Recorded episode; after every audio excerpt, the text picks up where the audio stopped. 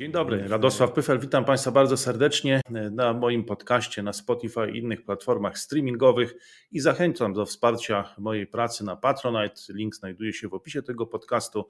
Wspierając mój profil, zyskują Państwo możliwość darmowego oglądania treści z zakresu polityki globalnej, także świata pozaeuropejskiego, Indo-Pacyfiku, Azji Wschodniej, światowej, globalnej gospodarki, a także pól bitewnych Ukrainy i bezpośredniego otoczenia międzynarodowego e, Polski. Bardzo Państwu dziękuję za wsparcie, bardzo dziękuję za zaufanie, bardzo dziękuję też za zrozumienie formuły tego podcastu. Zachęcam również do, do obserwowania e, podcastu na Spotify i pozytywnej, taką przynajmniej mam nadzieję, e, oceny na Spotify i na wszystkich innych platformach streamingowych. Dziękuję bardzo. Dzień dobry Państwu. Sporo e, dzieje się na świecie. Rzeczywistość właściwie komentuje się e, sama. Tyle e, konfliktów przetacza się przez współczesny świat, a moim i Państwa gościem jest dzisiaj znany, szanowany analityk, pan Marek Meissner. Witamy ponownie na kanale. I dzień dobry Panie Radku, dzień dobry Państwu. W nowym no roku. właśnie, nie wiem, panie Marku, czy pan się cieszy z tego, że zawsze mamy o czym rozmawiać, bo może najlepiej byłoby wtedy, gdybyśmy nie mieli tych tematów e, do rozmowy, no ale jest ich bardzo dużo, tak dużo, że właściwie nie wiadomo od czego e, zacząć. No i co pan proponuje na początek, panie Marku? Może tak, że jest taki kraj, nazywa się Rosja. Mówi się, że istnieją kraje frontowe bardzo niebezpieczne dla dziennikarzy jak się okazuje, najniebezpieczniejszym krajem dla dziennikarzy, zwłaszcza tych, którzy się zajmują propagandą, y, jest Rosja. Mm, szef edytorów mm, jednego z największych y, kanałów rosyjskich, 48-letnia Zoja Konowałowa, znaleziona w domu martwa razem z mężem, prawdopodobnie otrucie. Y, jedna Anna Carewa, 35-latka, zastępca redaktora naczelnego mm, Maskowskich Nowin, Maskowskich Nowosti, znaleziona martwa, prawdopodobnie otrucie. No cóż, y, i tak szczerze mówiąc, jest to od połowy zeszłego roku siódma ofiara z panelu propagandy radiowo-telewizyjnej i y, prasowej, która no, rozstała się przedwcześnie z tym światem. No, panie Marku, tutaj w, właściwie wtrącę się z pytaniem, bo y, w, w świecie ruskiego miru y, w tej kulturze politycznej ludzie lubią się częstować różnego rodzaju eliksirami, chyba od czasów Iwana Groźnego i to w różnych Zgadza sytuacjach i, i to są różne napoje. Zdaje się, że chyba ostatnio Aleksander Łukaszenka, takie były spekulacje, że przetrwał wypicie jakiegoś napoju, ale no ale niektórzy w Londynie na przykład tego nie przetrwali, ale też jest tradycja odsuwania, no właściwie odsuwania na tamten świat niewygodnych dziennikarzy. Swego czasu to była Anna Politkowska.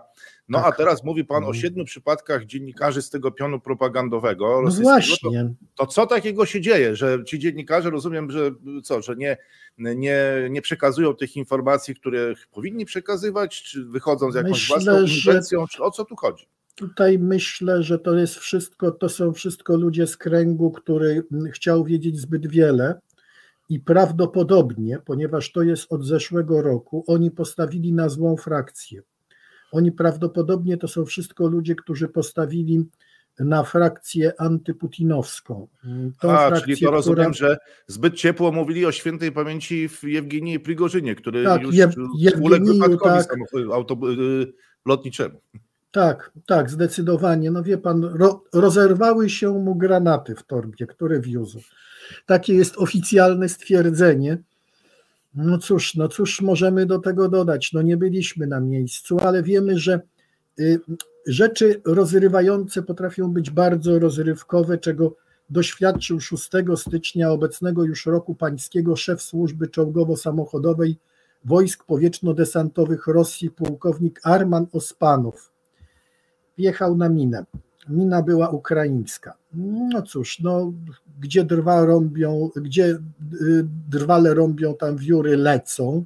Ale rozumiem, prawda? że na froncie wjechał, a nie pod Moskwą gdzieś na tą minę. Nie, nie pod Moskwą, ale za frontem. Za frontem, czyli ukraiński SOF jest, żyje i działa. Skoro tak ładnie no, tą drogę no zaminował. Ale Pani Marku, czy Pan to wiąże z wyborami marcowymi, że, że Putin jeszcze nie do końca wyczyścił wszystkich zwolenników Prigorzyna? Tak, tak, tak, tak. No pamiętajmy o tym, pamiętajmy o tym, jaka tam była historia mm, w czasie buntu Prigorzyna, że połowa poleciała do Soczi, z Soczi polecieli do Stambułu, między innymi Potanin, między innymi Rożestwiecki i cały czas o tych ludziach, no w tej chwili, o oligarchach w tej chwili jest głucho, cicho.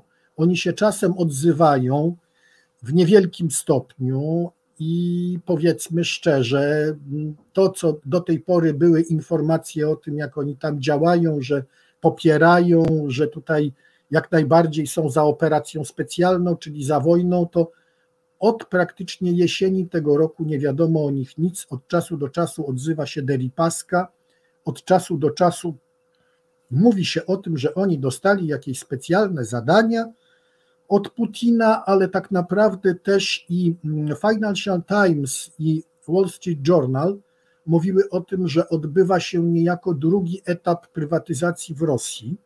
I ta prywatyzacja w Rosji polega na bardzo ciekawym zjawisku. Jak wiadomo, firmy zachodnie nie tyle się z Rosji wycofały, ile część z tych firm została y, skłoniona do wycofania i y, one swoje rosyjskie aktywa sprzedały za psi pieniądz i rosyjskim firmom.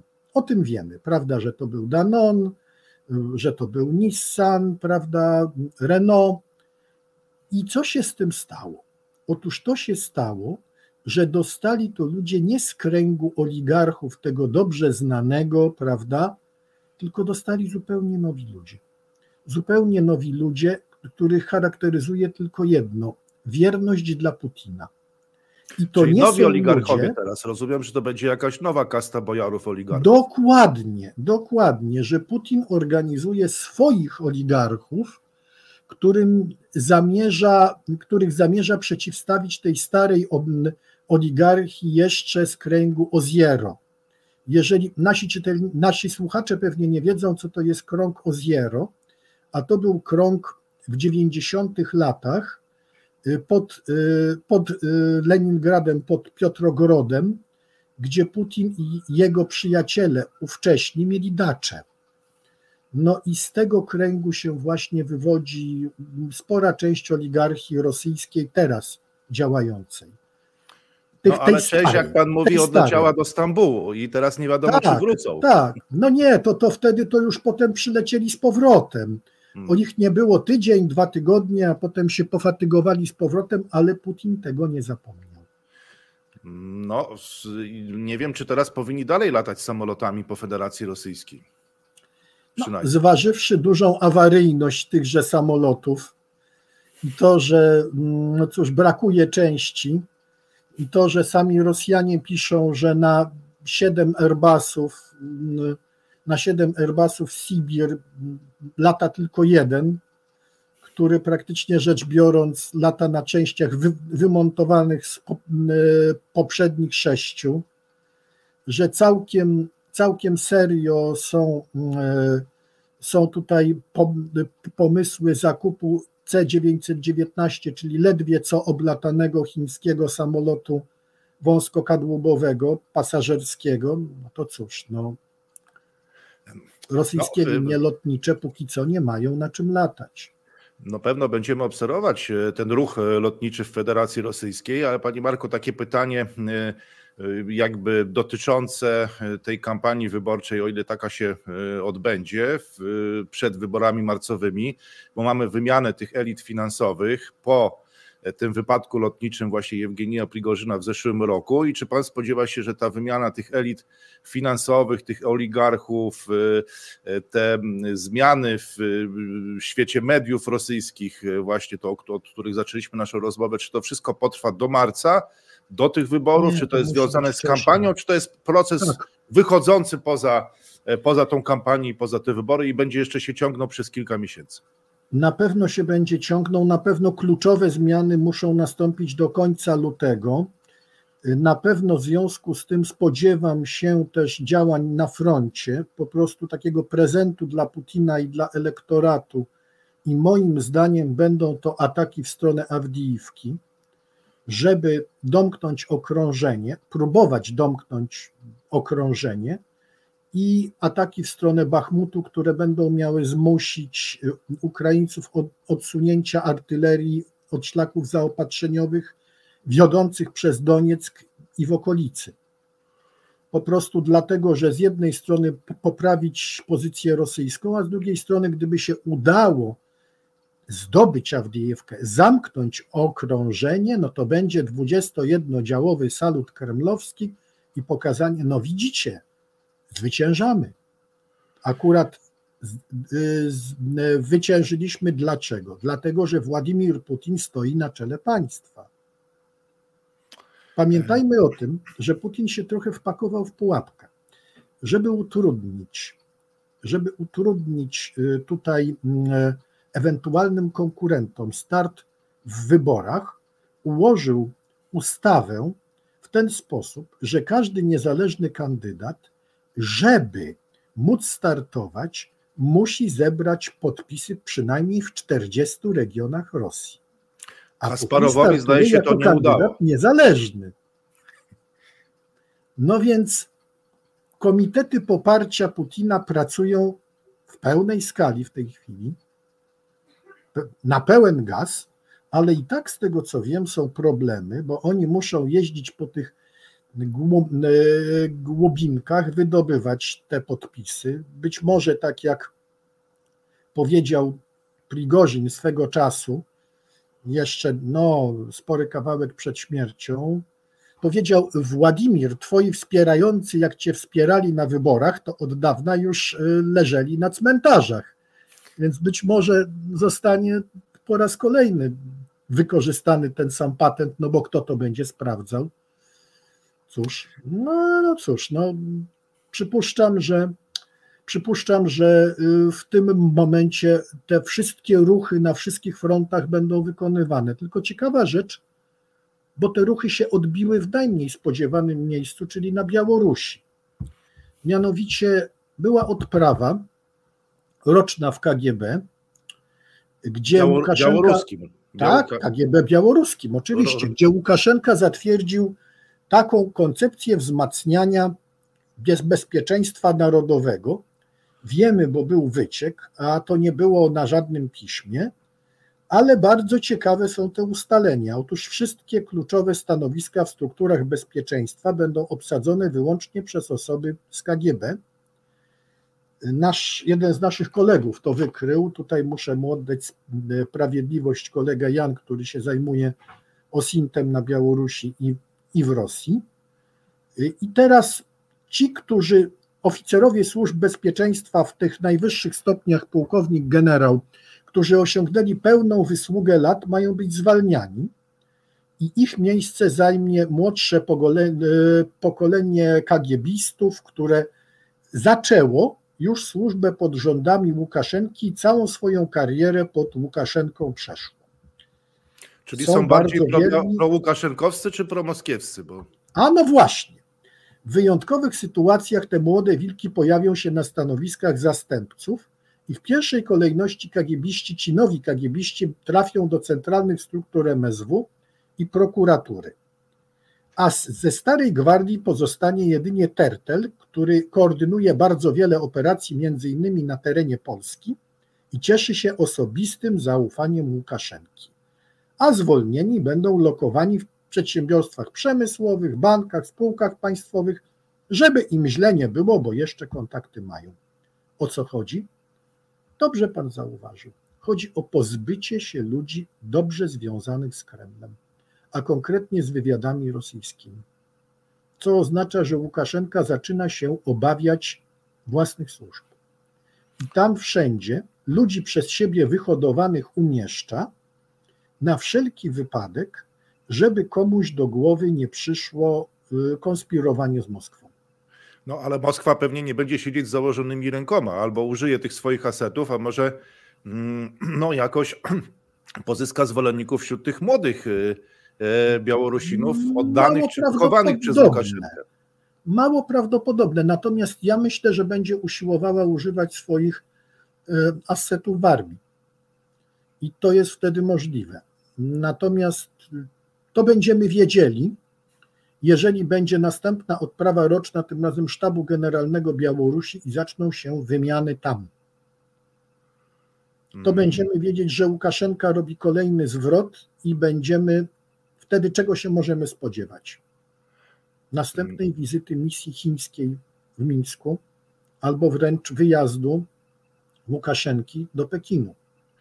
To no, już raz się był taki jesienią zeszłego roku. Tak, tak, tak. I tam bardzo, tam obiecane zostały spore inwestycje w białoruski przemysł, chińskie, i to China Development Bank miał to i ma to tej chwili finansować, czyli jeden z takich największych banków rozwojowych chińskich. Plus miał się dołożyć Bank of China, co dowodzi tylko, że tutaj KC zaakceptowało te inwestycje, czyli w tym momencie Rosjanie nie mają zbyt wiele do powiedzenia, ale na pewno byli wściekli, bo każda inwestycja chińska odsuwa niejako Białoruś od Rosji, no i tam już można użyć takiego stwierdzenia: Chińczycy nogę w drzwi wetknęli i zamierzają te drzwi otworzyć. No tak, panie Marku, no czy tutaj nie wiem jak jest teraz, bo nie byłem w Mińsku już wiele lat, ale no jeszcze w 2019 roku no to całe miasto e, było pokryte chińskimi znakami e, i to już nawet gdzieś tam w karczmach czy w restauracjach było menu po chińsku, mimo że Chińczyków tak wiele ani w tym e, białym kamieniu, który znajduje się pod Mińskiem, ani w samym się. mieście nie było, chociaż byli widoczni. No i to rzeczywiście mm, e, no, niby Chińczycy starają się rozluźniać te więzy Białorusi z Moskwą, co Moskwę może denerwować, ale czy skutecznie, to trudno powiedzieć, bo Białoruś jest małym rynkiem i nie daje dostępu do rynku europejskiego, no niby daje dostęp do tego rynku euroazjatyckiego. No właśnie, i zobaczymy, jak Rosjanie będą reagować, ale panie Marku, czy Białorusini, bo ta gra między Pekinem, Mińskiem i Moskwą toczy się od długiego czasu, przede wszystkim też ta, która jest elementem gry między Mińskiem i Moskwą, czy pan widzi jakieś specjalne powody, dla których Łukaszenka się teraz bardziej przestraszył, no bo on cały czas próbuje grać na rozluźnienie, ale czy teraz rzeczywiście ma się czego bać jeszcze bardziej niż, niż w ostatnich latach? Czy, czy dostrzegł Pan coś takiego, co, co dodatkowo go zmotywowało do tego, żeby dokonać tej wymiany e, w służbach, o której Pan e, mówi? Tak, dodatkowo, mm, dodatkowo to były informacje z Rosji e, i to były zaplanowane przecieki o wspólnych operacjach białorusko-rosyjskich przeciwko Zachodowi. E, i to miały być operacje wywiadowcze, ale także i prawdopodobnie w ramach wojny hybrydowej, czyli sabotażowe, po czym e, kiedy interweniowali, w tym e, momencie zaczęła się interwencja amerykańska przez swoje kanały, przez Organizację Narodów Zjednoczonych, na, na, rozmowa z przedstawicielami białoruskimi, potem wiatych przedstawicieli do, Bia do Łukaszenki, okazało się, że Łukaszenka nic o tym nie wiedział. I to go przestraszyło. Tak, to go przestraszyło. To go przestraszyło, że po prostu on już nie rządzi w swoim własnym kraju. E, no właśnie, a pani służby, Marku, mu, służby mu zaczęły, rosyjskie służby mu zaczęły meblować politykę. Tego on się zawsze bał. E, no właśnie, czyli przestraszył się tego, że będzie brał udział w jakichś akcjach dywersyjnych, hybrydowych, czy właściwie Białoruś będzie używana, a ono nic tak. nie będzie o tym wiedział i będzie de facto marionetką. No ale Pani Marku, to mhm. zadam to kontrowersyjne pytanie, które jednak musi paść. A czy on już nie jest marionetką? Bo przecież wielu analityków i komentatorów twierdzi, że on już tam tylko jest po to, żeby przyjmować parady, cieszyć się władzą, tym splendorem, ale tak naprawdę już nie ma nic do powiedzenia.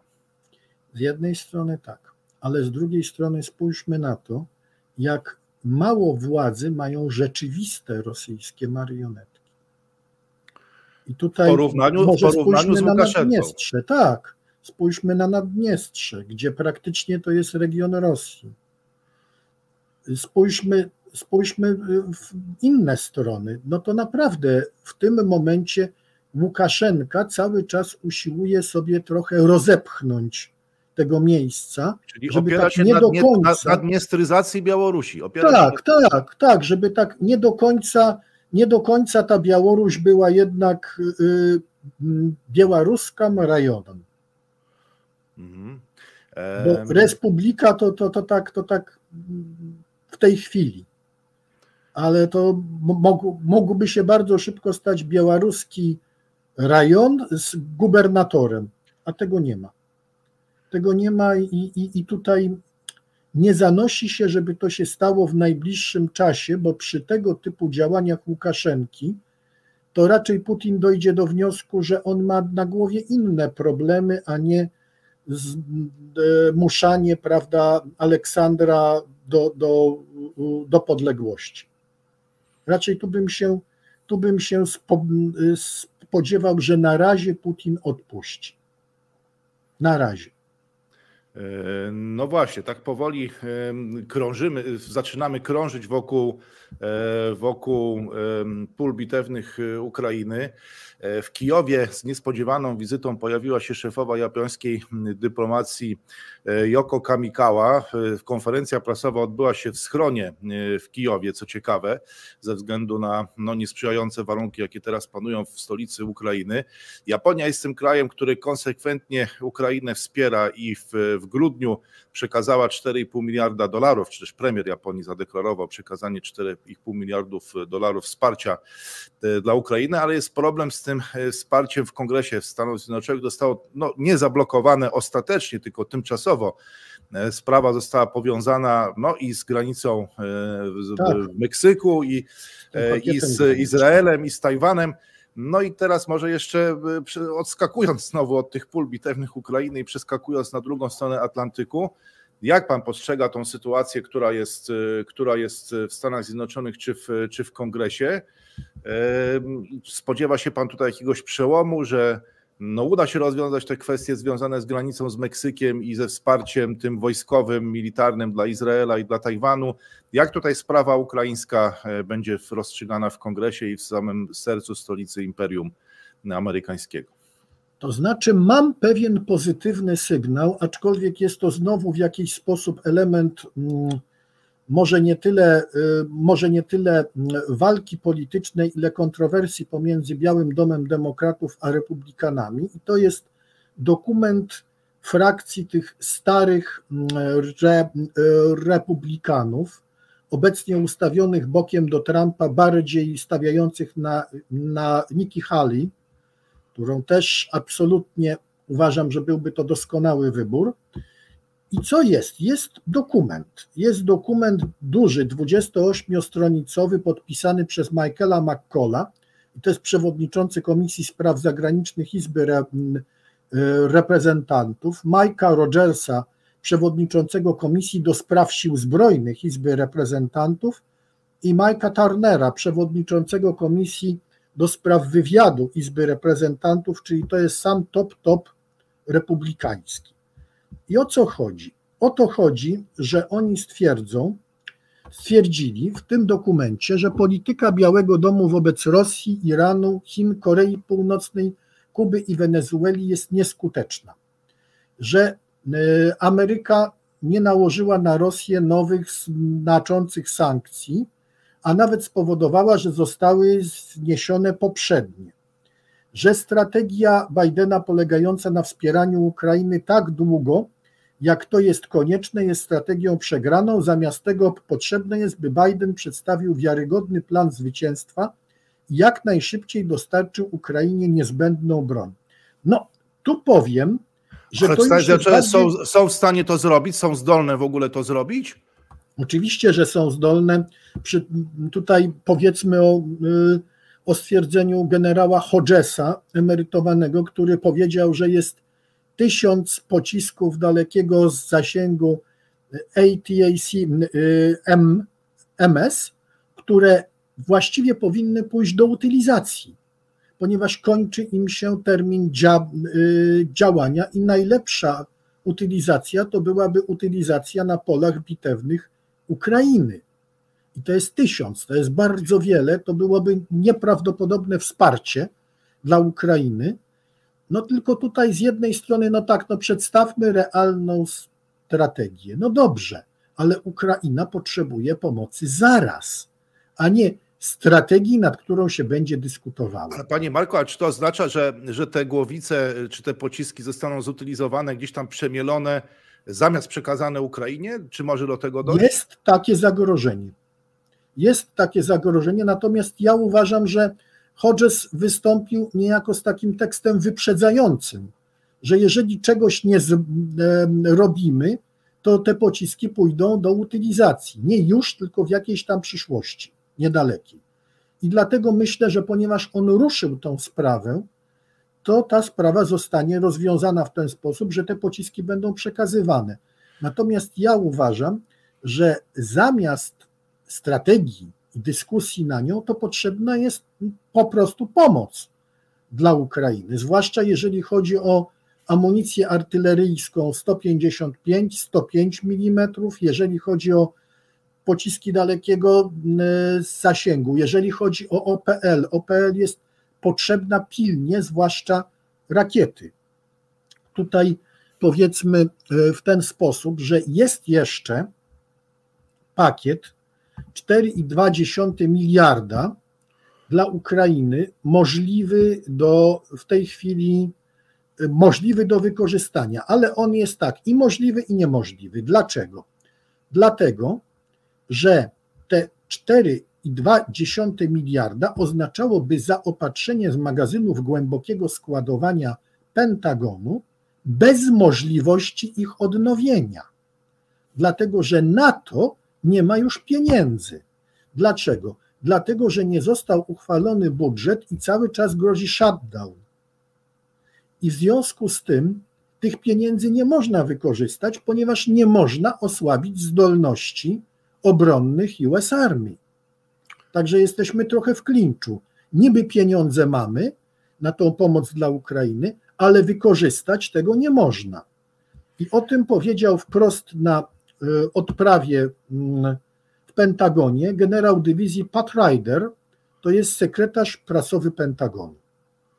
Jeżeli tutaj nie zostaną podjęte określone kroki polityczne, to do tej pory no to, to ta sprawa nie zostanie, nie zostanie rozwiązana. Aczkolwiek ten dokument, który mówi o tym, że potrzebna strategia, że potrzebny jest, że potrzebne jest jak najszybciej zaopatrzenie, że potrzebne jest y, y, zablokowanie Korei Północnej, bo w tej chwili, no bądźmy szczerzy, sytuacja naprawdę jest taka, że Korea Północna wyszła z, z izolacji całkowicie.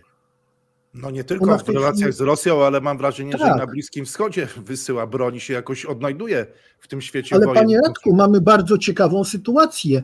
Y, Kim Jong-un przemawiał, przemawiał tydzień temu i nagle w tym przemówieniu wyskoczyła sprawa dronów bojowych, zarówno FPV, jak i dronów y, bojowych, y, tutaj nie tylko samobójczych, ale także obserwacyjnych. Dotąd Koreańczycy o tym nie mówili i mówili teraz, że mają tanią technologię. No zaraz, to oni tej technologii nie mieli i nagle ją uzyskali, to jeszcze tanio. No i tutaj skąd? bardzo ciekawa z Iranu, sprawa. A no właśnie, o co chodzi? Hmm. We wrześniu była delegacja Korei Północnej w Moskwie. Przypadkowo w tym samym terminie była delegacja IRGC, czyli Irańskiej Gwardii Rewolucyjnej oraz szefa sztabu armii Iranu. Ja nie wierzę, żeby się te delegacje nie spotkały w Moskwie. Zresztą nie tylko ja. To jest tak, że e, po prostu e, prawdopodobnie mamy teraz już takie trójporozumienie Korea Północna, Moskwa, Iran. To widać. I prawdopodobnie Irańczycy, to znaczy ciekawe za co.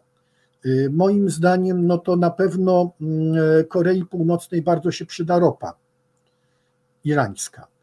Na no, pewno.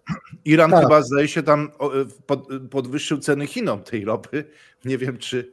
Ale to, że... była tego, to, to była historia wręcz farsowa. Iran za, y, zażądał więcej, więc Chiny zerwały kontrakt. I co powiedziały? Kupimy u Rosjan. No właśnie. No właśnie, więc Czyli ciekawie. Sojusze nie, nie zawsze tam zdają egzamin. Zresztą co do Chin, tam się dzieje bardzo ciekawa historia. Tam się zaczęły potworne czystki na najwyższych szczeblach we wszystkich y, rodzajach sił zbrojnych. No, mówił pan ostatnio o kochankach już byłego ministra spraw zagranicznych, tego y, no, młodego, 60-letniego byłego ambasadora y, w USA Chinganga, więc. A do tego stopnia, tak, a, do, a od tego czasu jeszcze Xi Jinping pozbył się Li Shangfu, czyli bardzo obiecującego, najmłodszego jak na chińskie, mm, y, chińskie warunki ministra obrony narodowej. I to pozbył się go no, w sposób taki, po, powiedziałbym, dosyć skryty. No, bo nie wiadomo, y, nie ogłaszano generał, tego. Generał kosmonautyki Li Shangfu po prostu zniknął. Tak, Li Shangfu i to mało tego, że on wyleciał na orbitę, on jeszcze wyleciał na orbitę w sposób kompletnie skryty, bo y, podobno decyzja o dymisji zapadła 22 października, a myśmy się dowiedzieli o tym niedawno, y, jak y, został mianowany na to stanowisko Dong Yun, czyli admirał w stanie spoczynku, i jeszcze niedawno mm, zastępca szefa marynarki chińskiej. Bardzo zresztą istotna nominacja. Dlaczego? Dlatego, że marynarka chińska jest w tej chwili jedyną projekcją siły Chin na mm, obszary dalsze. Y, skądinąd wiemy, że mm, jeszcze za czasów Wei, czyli, na, czyli poprzedniego, poprzedniego ministra obrony y, narodowej, próbowano mm, manewrów, tak dla twardogłowych w KC, bardzo możliwe, że dla Si także, które by pokazały, że e, chińska piechota morska jest zdolna do przeprowadzenia desantu na plażę Tajwanu. Ten, te manewry, ta gra wojenna skończyła się nieprawdopodobnym skandalem, porażką całkowitą. Jedna brygada piechoty morskiej, gdyby to były warunki y, bojowe, zostałaby rozsiekana absolutnie przez artylerię i broń maszynową jeszcze na plaży, zaś druga, y, druga y, pogubiła się kompletnie, wylądowała 10 kilometrów dalej, gdzie według gry wojennej był rejon umocniony i zaminowany. No i to się przyczyniło do dymisji pierwszego ministra obrony narodowej zdjętego w zeszłym roku, czyli Weja. I na jego miejsce wszedł właśnie Li Shangfu. Teraz Li Shangfu odszedł, wszedł Dong Kyun i zaczęły się koszmarne czystki praktycznie we wszystkich e, rodzajach sił zbrojnych, a tak naprawdę w armii lądowej. Największe. W tej chwili podobno na celowniku jest aż 150 wyższych oficerów, czyli to jest prawdziwy pogrom oficjalne, oficjalne stwierdzenia są takie. Y, partia walczy z korupcją i nie ustanie. Każdemu, kto zna stosunki chińskie, to w tym momencie bardzo wysoko unoszą się brwi do góry, ponieważ korupcja partyjna jest bardzo dobrze znana, a życiorys y, Xi Jinpinga mówi wyraźnie o tym, że on wie doskonale, gdzie ta korupcja jest i dla niego to, że jest korupcja w armii, to na wysokich szczeblach dowodzenia, to nie może być żadnym zaskoczeniem. Także tutaj się odbywa drugi proces. Tu się odbywa proces, który już był za czasów Weja, czyli próba podporządkowania armii, całkowitego podporządkowania partii. To się nie bardzo udaje, dlatego oficerowie, którzy oczywiście no, nie to, żeby oni zaprzeczali wiodącej linii partii. Partia oczywiście kieruje, rząd rządzi, a, a PLA słucha, ale to nie znaczy, że PLA miała mieć y, prawda, nadzór partii w formie takiej, jaka była w Rosji, czyli y, a raczej w, Z, w ZSRR, czyli takich komisarzy politycznych. Tego się cały czas chińska armia lądowa bała na przykład Li Shangfu zgodził się z generałami i y, sprawy tak zwanej bieżącej pracy politycznej w jednostkach zeszły z Centralnej Komisji Wojskowej na Komisję do Spraw Rozwoju Uzbrojenia, czyli taką szczebel niżej. i ona się tą bieżącą pracą polityczną zajmowała. Teraz znowu, znowu wraz z awansami wszystkich oficerów wyższych od stopnia majora wzwyż, y, kierowanie armią i bieżąca praca polityczna weszły z powrotem do CKW, czyli wszystkie awanse i, i y, pracę jednostek będzie znowu zatwierdzała partyjna Centralna Komisja Wojskowa. No ja właśnie, oczywiście jak ale najbardziej Marku, no, kibicuję muszę, temu. Muszę wejść z pytaniem, muszę wejść z pytaniem, a właściwie tak. muszę wejść z Tajwanem. Tak. Muszę wejść z Tajwanem, bo to, że Xi no w ramach tam kolejnej kampanii przeciwko tygrysom i muchom, bo tak się nazywała ta kampania tak. antykorupcyjna, że on tam mhm. usuwa, czy przestawia, czy dokonuje jakichś roszad personalnych, to rzeczywiście ten e, no, argument korupcyjny był często używany i on właściwie zdobył pełnię władzy w Chinach, odsuwając wszystkich konkurentów no, jako skorumpowanych. Ale czy teraz nie może dziwić jednak to, że na czele chińskiej armii staje admirał, czyli no, człowiek od spraw morskich, e, który zresztą jego, jego imię i nazwisko po chińsku oznacza dyrektor żołnierz, czy dyrektor do tak. spraw wojskowych, co tak. w chińskim internecie budzi no pewną taką nawet powiedziałbym, no zainteresowanie, tak to nazwijmy, wśród chińskich internautów.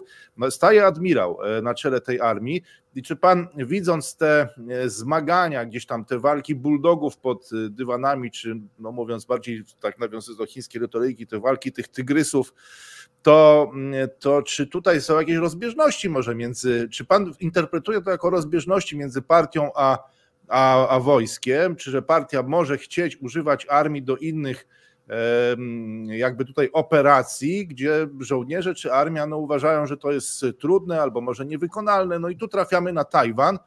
Czy tutaj będzie jakaś blokada, czy jakaś no, inwazja? To muszą być jakieś chyba siły morsko-powietrzne, desantowe, nie tylko lądowe, ale może czy, czy tu jest jakieś napięcie między między siłami cywilnymi, które chcą realizować pewne cele polityczne, a wojskowymi, no, który, którzy jednak no, uważają, że e, nie wiem, no, że, no, że to nie do końca może chcą to realizować w taki sposób, jak chce realizować to władza cywilna. Jak pan interpretuje to zamieszanie? To znaczy tak, żeby całkowicie podporządkować armię celom politycznym, no, musi podporządkować, SI musi podporządkować jednostki. Coraz częściej partia to jest SI. Czyli tak naprawdę wracamy trochę do takiego małego Mao. To jest jedna sprawa. Dalej, mm, działania do, dotyczące Tajwanu są e, funkcją słabości lub też siły Ameryki. Blokada Tajwanu byłaby zastosowana wtedy, gdyby się okazało, że Amerykanie nie są w stanie wspierać i efektywnie wspomagać Tajwanu. Jak do tej pory te, te, tego nie ma, mało tego, y, Chińczycy ogłosili sankcje przeciwko pięciu amerykańskim firmom zbrojeniowym, co jest wręcz groteskowe. Dzisiaj, ale rzeczywiście dzisiaj. tak jest, tak, rzeczywiście tak jest. I to są firmy, które są zaangażowane i to w takim niezbyt duży, bo 300 milionów dolarów mający wartości kontrakt y, na szkolenia, serwis, tam maintenance, utrzymanie broni amerykańskiej właśnie na Tajwanie, żeby ona była w gotowości bojowej. Tam dalsze pakiety zaopatrzenia to są możliwe wtedy, jeżeli zostanie zniesiona ta blokada, o której pięć minut temu żeśmy rozmawiali. Ja podejrzewam, Czyli znowu że. wracamy tutaj... do kongresu. Znowu wracamy tak, do kongresu. Tak, ale tu jest zgoda. Tutaj nie ma tego, że są jakieś wątpliwości, tu nawet grupa MAGA siedzi cicho w sprawie, w sprawie wspierania Tajwanu. Czyli Także w przypadku ja myślę, Tajwanu jest konsensus, a Ukrainy jest konsensus. Izraela też nawet, ale, mhm. ale, ale tutaj ja tutaj myślę, że tutaj nie ma, nie ma jakichś dwóch linii, jest jedna linia amerykańska, wspieramy Tajwan, bo zresztą zobaczmy, jak agresywna polityka chińska na Morzu Południowochińskim i w archipelagu Spratly jak podziałała na całą Azję. W tej chwili mamy na przykład, y, prawda, gdzieś tam suflowany od tyłu sojusz Korei Południowej, Japonii i w to się y, łączają Filipiny. Zastępca sekretarza skarbu y, Stanów Zjednoczonych był w, w Wietnamie. Przy czym ta, ta wizyta tak przestraszyła Chińczyków, że do Wietnamu do Wietnamu pojechała delegacja Ministerstwa Spraw Zagranicznych tutaj, czy też Komisji do Spraw Zagranicznych Partyjnej obiecała inwestycje i nie wiadomo co. No kolej, kolej przede wszystkim. Tak, kolej, tak, tak kolej, ale także i, także i rozbudowę y, logistyki y, wietnamskiej oraz dróg, prawda, dróg i mostów. Ale to wszystko po to, żeby jakoś ten Wietnam jednak wyrwać z tej koalicji proamerykańskiej. Tu widzimy, że dawni, może nie tyle e, wrogowie, ile tacy, którzy mieli między sobą bardzo dużo zaszłości, z przeszłości, jak właśnie Korea Południowa i e, Japonia czy Filipiny, nagle współpracują zgodnie, bo jest zagrożenie ze strony Chin. Tam jeszcze się dołącza e, Malezja, Singapur, The Straits Time zaczyna mówić o jakimś froncie antychińskim. To Chińczyków bardzo, nawet no nie tyle przeraża, ile to bardzo denerwuje, wywołuje takie poruszenia, a z drugiej strony pamiętajmy, że Chiny także próbują projekcji siły na Oceanie Indyjskim. Tam, gdzie są te patrole zabezpieczające statki przed atakami Huti. No i tu się Chiny całkowicie skompromitowały. Tak. Ale to mówimy o Morzu Czerwonym, y, nawet już o tych okolicach? Tak, o Oceanie Indyjskim i o Morzu Czerwonym. Tam się Chiny skompromitowały całkowicie. A w jaki sposób się skompromitowały? Skompromitowały się w ten sposób, że nie odpowiedziały y, na wezwania pomocy ze strony y, statku, dwóch statków indyjskiego i należącego do Marsk. Były trzy chińskie, trzy chińskie fregaty w odległości kilkunastu mil i ponieważ wiedziano, że tam są, to słano sygnały pomocy wobec e, ataku Huti i te fregaty się nie ruszyły w ogóle.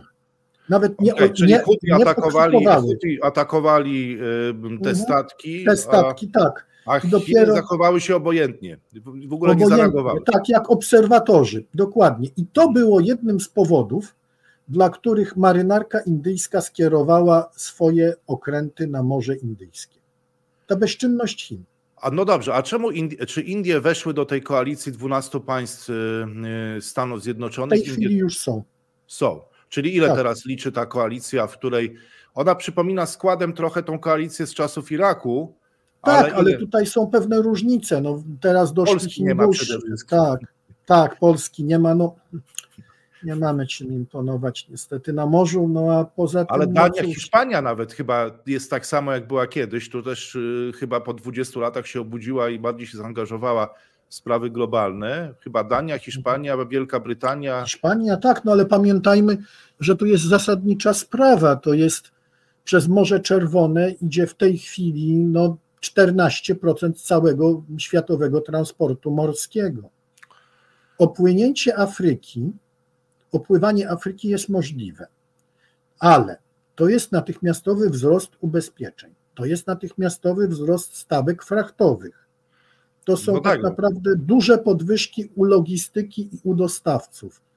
Więc pytanie, no tutaj zresztą, no Panie Marku, myślę, że chwilą, że w to graj, bo y, generalnie no raz, że ze względu na lądowy transport, a dwa, że Amerykanie mają kolejny problem z tym Morzem Czerwonym i z no, Huti wspieranym przez Iran. Ale, więc... Panie Radku, ja tu zaprzeczę. Lądowy transport chiński y, Xi Tong, mm, który jest mm, bardzo poważaną osobą, politologiem, y, doradcą do spraw międzynarodowych rządu, stwierdził, że wojna rosyjsko-ukraińska przyniosła już Chinom wielkie straty, a przyniesie jeszcze większe, i jedną z tych największych strat jest zablokowanie możliwości łatwego transportu lądowego. Tak, tak. Znam tą wypowiedź Jen Tonga, bo i znam samego Jen Tonga jeszcze z, mhm. no, i, z, i z Pekinu. No właśnie, no widzi pan, to, także Także tutaj mamy z tym transportem lądowym to tak nie bardzo jest. Nie, nie, no, czy, oczywiście zablokowanie nawet całkowite no. kanału Sueskiego to tutaj tego całkowicie nie odblokuje, czy nie złagodzi tych napięć geopolitycznych, które z kolei ograniczają ten transport już od kilku e, lat, tak na dobrą sprawę. Dokładnie. No właśnie, właśnie. No dobrze, ale wracając do tego Morza Czerwonego i do tej, do tej sytuacji globalnej, bo tak rzeczywiście sobie podróżujemy dzisiaj po, po morzach i oceanach. Czy, no właśnie, może nie wiem, może wrócimy teraz do, do kongresu znowu tak. Stanów Zjednoczonych i wrócimy do Waszyngtonu. Czy pan nie myśli, że ta wypowiedź generała Hodgesa o tej utylizacji, bo obawia się pan trochę takiego scenariusza, że tak, że a, że no, będą te dyskusje trwały na temat wsparcia dla Ukrainy, E, ta pomoc, jak mówi Pani, jest potrzebna, zachowanie jej, ale może nawet i ta utylizacja tych rakiet i pocisków, o których mówił generał Hodges, że lepiej je przekazać Ukrainie niż je w perspektywie, no może nie kilku dni, ale kilku, czy tam kilku tygodni, ale kilku lat zutylizować.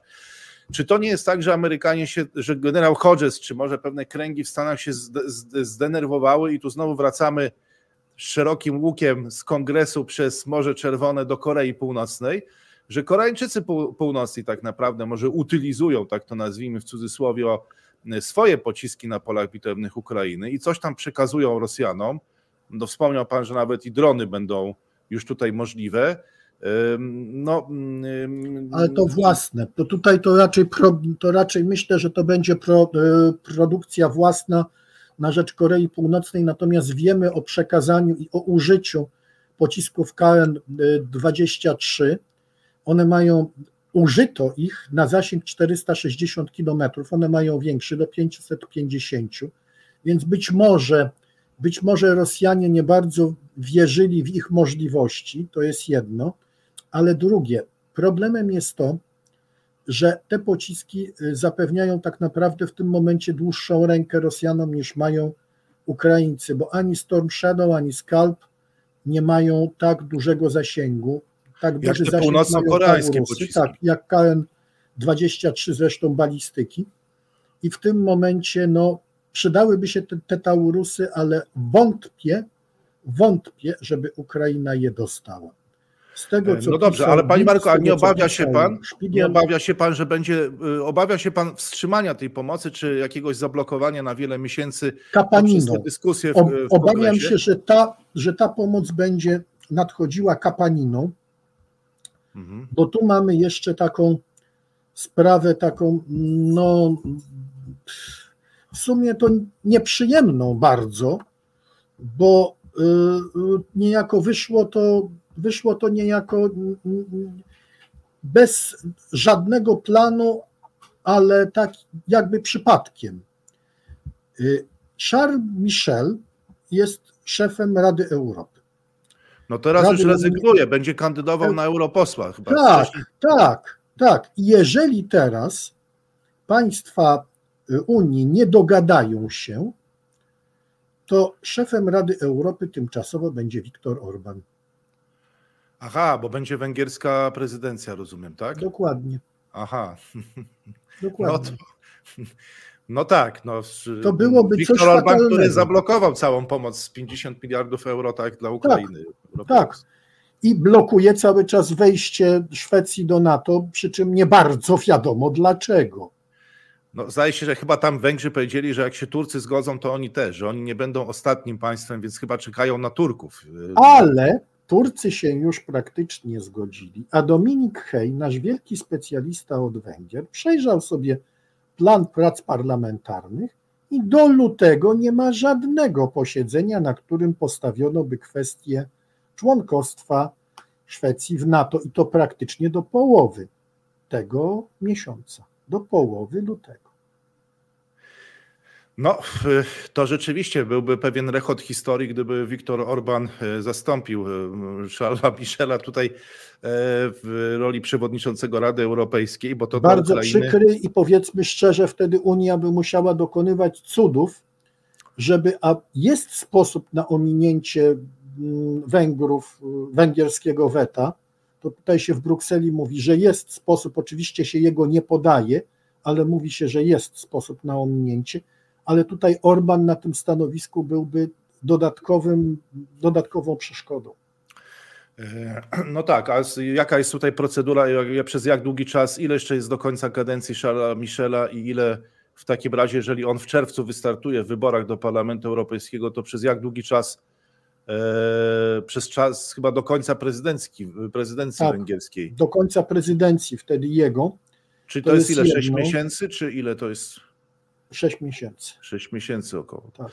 No a e, tutaj jeszcze jest sprawa tego, że przecież Michel musiałby zacząć własną kampanię, czyli musiałby odejść ze stanowiska przedtem, czyli no w kwietniu być może.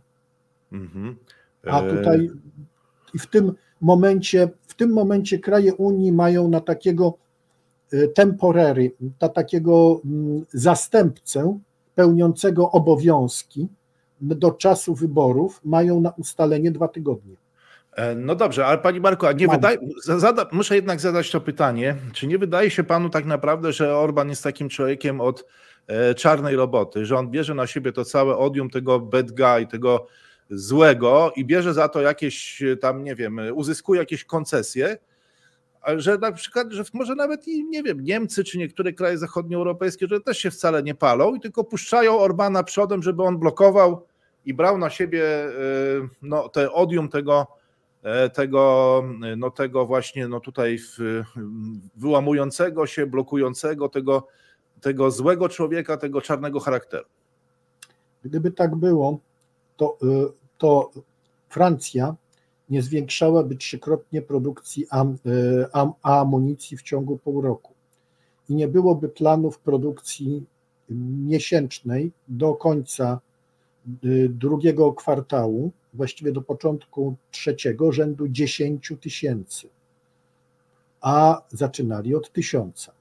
Gdyby tak, co do Niemiec, co do Niemiec na pewno rząd Scholza jest wybitnym hamulcowym, a właściwie najbardziej wybitnym hamulcowym jest Scholz, ale ma w rządzie kogoś, kto jest gotów wspierać Ukrainę i cały czas się za tym opowiada i właśnie nie wiem, czy pan słyszał taką historię, że Scholz ma zrezygnować na wiosnę, a zastąpić ma go właśnie Boris Pistorius. Jedyny, jedyny wspierający Ukrainę. Na pewno, na pewno przeciw są starzy baronowie SPD, bo tam patronuje y, duch Egona Bara, który krzyczy: Pamiętajcie o Ostpolitik. Czyli przede wszystkim nie wolno nam denerwować Rosji. Tak, ale, ale, z drugiej strony, ale.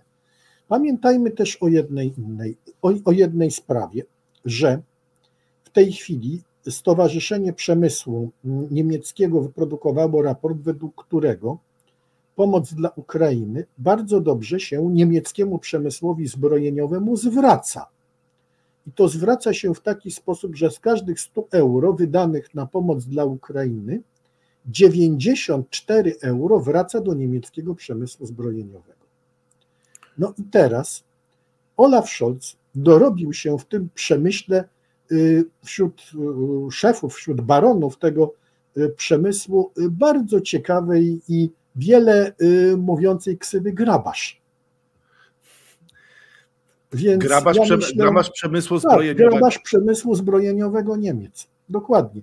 Więc ja myślę, że to sytuacja nie jest tak prosta, jak się u nas usiłuje powiedzieć, a źli Niemcy, prawda, nie chcą pomagać uzbro- Ukrainie, już się tutaj porozumieli z Rosją. Okej, okay, gdyby to porozumienie z Rosją by było, to jaki byłby status y, niemieckich firm w Rosji?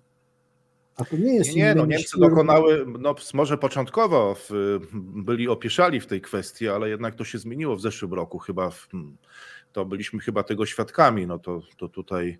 Ostpolitik, to znaczy Ostpolitik już była trupem, ale ten trup w zeszłym roku, mówiąc metaforycznie, zaczął śmierdzieć. I po prostu wraz ze spadającymi sondażami koalicji świateł drogowych, a właściwie SPD, to y, zorientowano się w dołach SPD, że jeżeli dalej będzie się prowadzić taką politykę pod baronów, którzy mieli interesy wspólne z Rosją, to za moment SPD wyląduje za AfD, a AfD rośnie.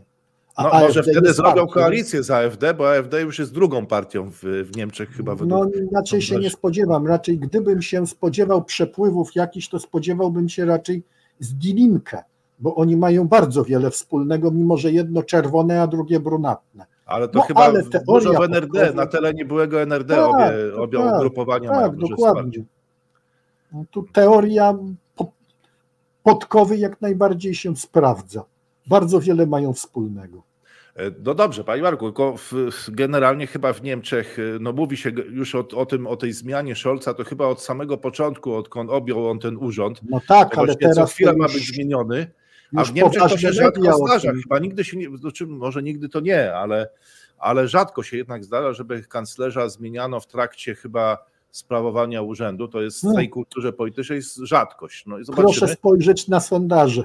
Kto jest no. najmniej popularnym członkiem rządu? Od samego początku właściwie mam wrażenie, że, że, no, w, że, że te sondaże są słabe i coraz słabsze. E, no ale dobrze, pani Marku... słabsze dla Scholza. Najlepiej w całym rządzie jest notowany Pistorius. Najlepiej. E, Jedyny, no który ma notowania porównywalne z politykami CDU. No CDU w tej chwili, gdyby były wybory, to wygra je w cuglach. No niestety druga będzie AfD. Na to wygląda, że AfD, czyli to już jest w ogóle dramat SPD, które spada za AfD w, tak. tych, w tych sondażach. Tak.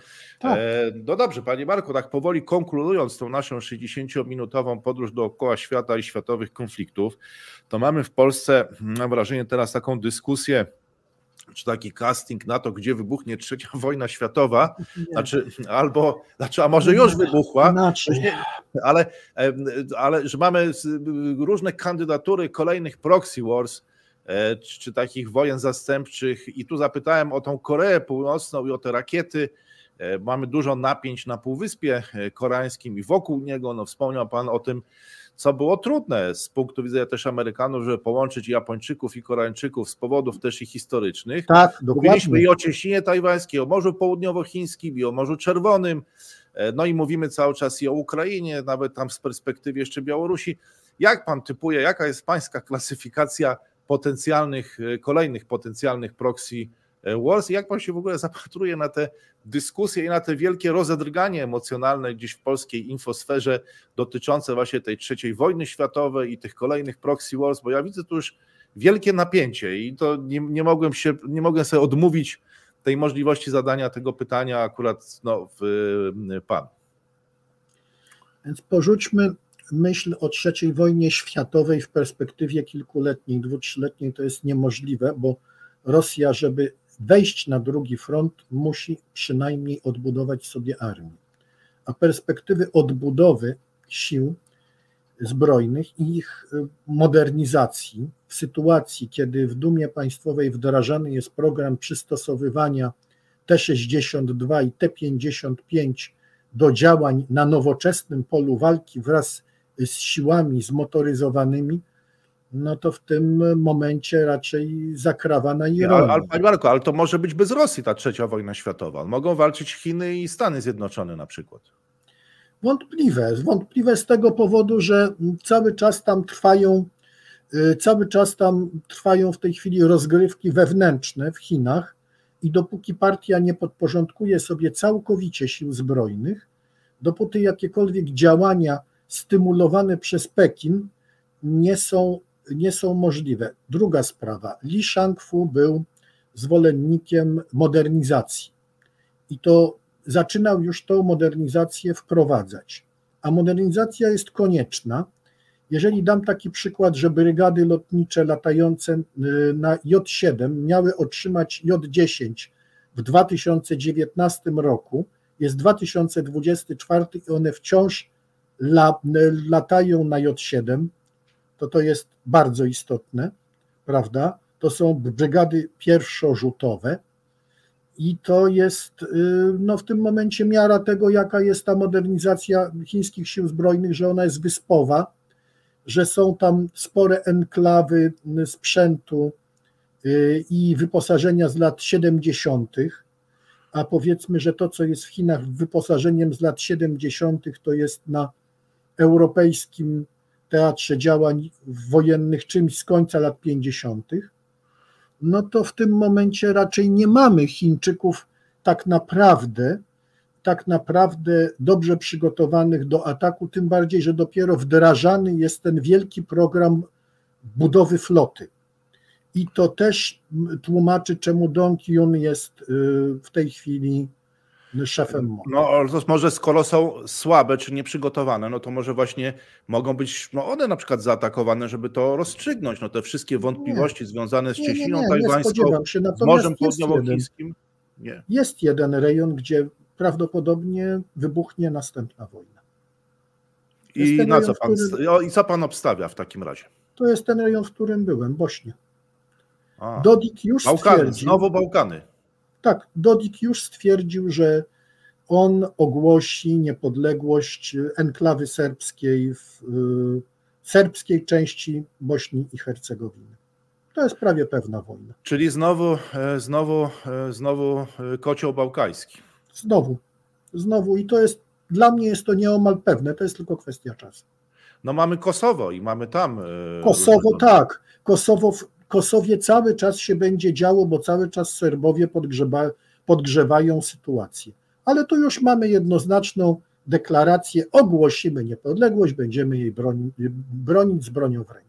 No, no, dobrze, panie Marku, to zaskoczył pan trochę e, na końcu, bo okazuje się, że mówiliśmy tutaj przez godzinę o różnych konfliktach, które tlą się na całym świecie od Bliskiego Wschodu, po Ukrainę, po e, Azję Wschodnią, Morze Czerwone i tak dalej, i tak dalej, a zakończyliśmy na kotle e, bałkańskim, to nawet nie na Kosowie, ale na, na Bośni, gdzie, na Bośni, która ma być gospodarzem tego geopolitycznego mundialu, jak rozumiem, gdzie spotkają się wielkie światowe mocarstwa znowu na Bałkanach właśnie i, i to będzie ta, ta proxy war no, kolejna i w jakiej perspektywie pan się tego ewentualnie spodziewa, możemy spodziewać tego? Ja myślę, że to jest mm, kwestia najwyżej roku. Najwyżej. Może jeszcze w tym roku to nastąpi. Niestety. I wie, no pan, wie pan, przed samą dymisją znany nam skądinąd dosyć dobrze dla Polaków nie tyle sławny, ile osławiony kanclerz Otto von Bismarck powiedział tak. Następna wojna światowa zacznie się na Bałkanach. Nam nastąpi jakieś przeklęte błazeństwo, które spowoduje wojnę. No tak, Kawałek rozumiem, rozumiem że chodziło o e, zabójstwo arcyksięcia Ferdynanda. Tak, ale, po, ale powiedzmy szczerze, że minęło, y, minęło ponad 100 lat, ba 150. 110 prawie. No tak. tak. ale ja mówię od tego, od tych słów Bismarka za niedługo 150 minie. I co? Dalej mamy Bałkany. E, no, panie Marku, taka to jest e, trochę przewrotna e, konkluzja, bo wydaje się, że pewnego rodzaju konradowskie fatum, niemalże Bałkany tak. jako jądro ciemności, że nawet jakby nie było arcyksięcia Ferdynanda, czy dzisiaj go już nie ma, to będzie musiał zostać wymyślony dla tej jakiejś kolejnej, kolejnej znaczy, proxy war, która może się Byłem pojawić. tam, wiem, tam regularnie jeżdżą reporterzy wojenni francuscy, Y, i nie tylko. Tam kolejne książki mówią o tym, że ten kraj, że Bośnia się w ogóle nie scaliła. To jest jedno. Dalej, że tam ciągle poczucie odwetu, poczucie krzywdy jest bardzo silne po wszystkich stronach. Po 30 latach. Po 30 latach, czyli warunki do rozpalenia na nowo konfliktu nadal są. I to jest przygnębiające. To znaczy, z drugiej strony, jak pamiętam, jak rozmawiałem z tymi ludźmi, oni są trochę jak Polacy. Dlaczego? Dla nas historia jest żywa. Możemy się pokłócić o to, co było w czasie powstania styczniowego, prawda? Możemy się pokłócić o generałów powstania listopadowego. Mamy taki sposób myślenia, jakby to było wczoraj, prawda? Ciągle żywe. Oni mają ten sam. Jeden dziadek walczył w armii austriackiej, drugi był Serbem i walczył przeciw tej armii, jeszcze trzeci był u Turków, ale to wszystko jest żywe. To nieważne, że to było 100, nawet 200 lat temu, to było wczoraj. To było wczoraj i te krzywdy w ogóle nie zostały wyrównane.